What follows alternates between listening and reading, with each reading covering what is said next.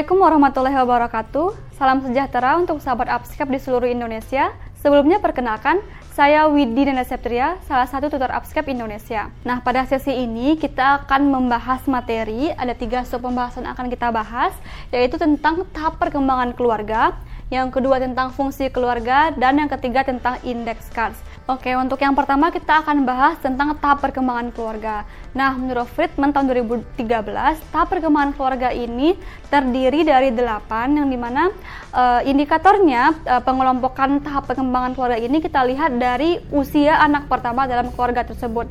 Nah, di mana pada masing-masing tahap perkembangan keluarga ini memiliki tugas perkembangan dan fungsi pelayanan kesehatannya masing-masing.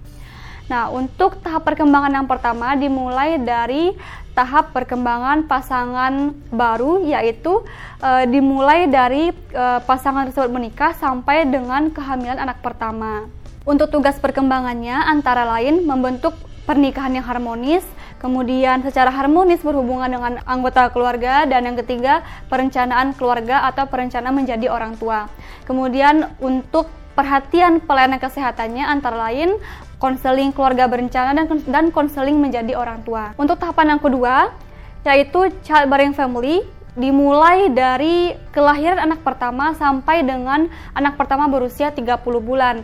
Nah, pada tahapan ini, tugas perkembangannya antara lain membentuk keluarga muda sebagai suatu unit yang stabil, kemudian memperbaiki hubungan dan kebutuhan dari anggota keluarga, kemudian juga mempertahankan hubungan pernikahan yang harmonis, kemudian menggabungkan anak yang baru lahir e, menjadi bagian dari anggota keluarga besar. Kemudian kalau untuk fungsi pelayanan kesehatannya antara lain persiapan untuk persalinan, kemudian pengukuran berat badan anak secara berkala, imunisasi, kemudian pemenuhan gizi yang seimbang pada anak, pertumbuhan dan perkembangan pada anak dan lain sebagainya. Untuk tahap yang ketiga yaitu keluarga anak prasekolah. Nah, ini dimulai dari ketika anak pertama berusia dua setengah sampai 5 tahun.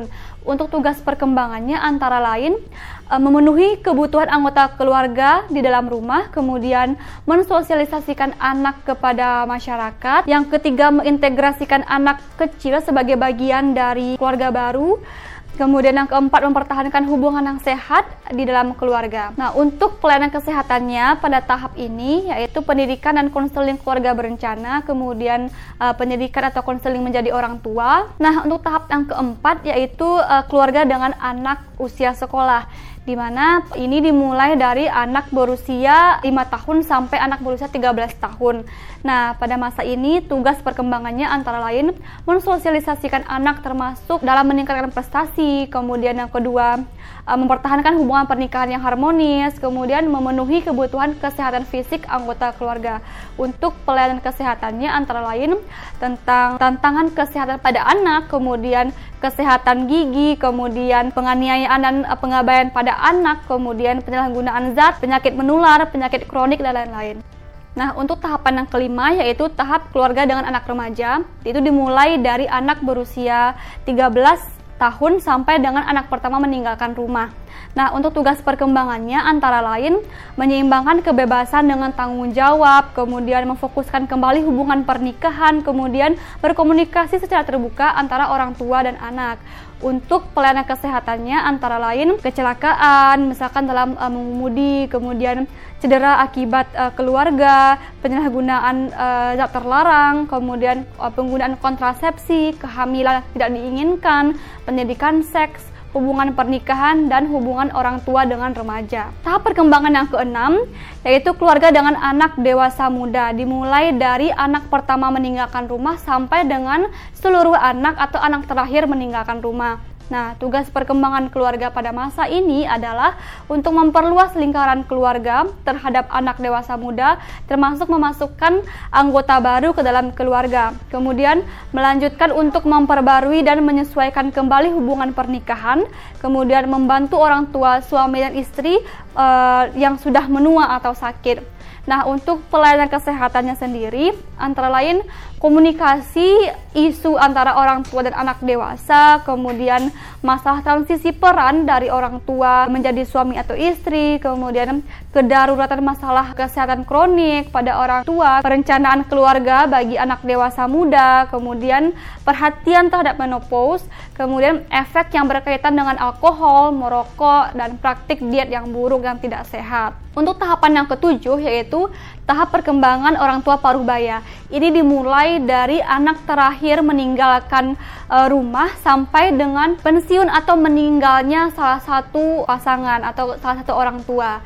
Nah, pada tahap ini tugas perkembangannya antara lain menyediakan lingkungan yang meningkatkan kesehatan bagi orang tua, kemudian mempertahankan kepuasan dalam hubungan yang bermakna, kemudian memperkuat hubungan pernikahan.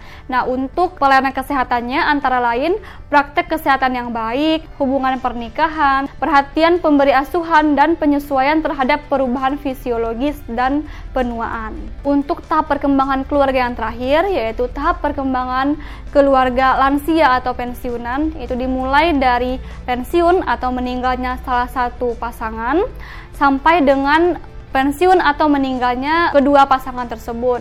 Nah, tugas perkembangan pada masa ini antara lain mempertahankan penataan kehidupan yang memuaskan, kemudian menyesuaikan terhadap penghasilan yang berkurang karena sudah masuk pada masa pensiun, kemudian menyesuaikan terhadap kehilangan pasangan, kemudian mempertahankan ikatan keluarga antar generasi, kemudian melanjutkan untuk merasionalisasi kehilangan keberadaan anggota keluarga untuk pelayanan kesehatannya antara lain perhatian terhadap disabilitas, gangguan mobilitas, penyakit kronik, kekuatan fungsi fisik yang menghilang atau menurun, kemudian memberikan asuhan, isolasi sosial, berduka atau depresi, dan gangguan kognitif. Nah, demikian materi tentang uh, tahapan perkembangan keluarga. Oke, sahabat Upscape, uh, sampai di sini dulu materi dan pembahasan kita kali ini mengenai tahap perkembangan keluarga, fungsi keluarga, dan indeks card. Sampai jumpa pada sesi-sesi berikutnya. Dan jangan lupa like, comment, subscribe YouTube Upscape Indonesia Official. Dan sampai jumpa. Assalamualaikum warahmatullahi wabarakatuh. Ada yang baru. Nah, um, itu namanya apa?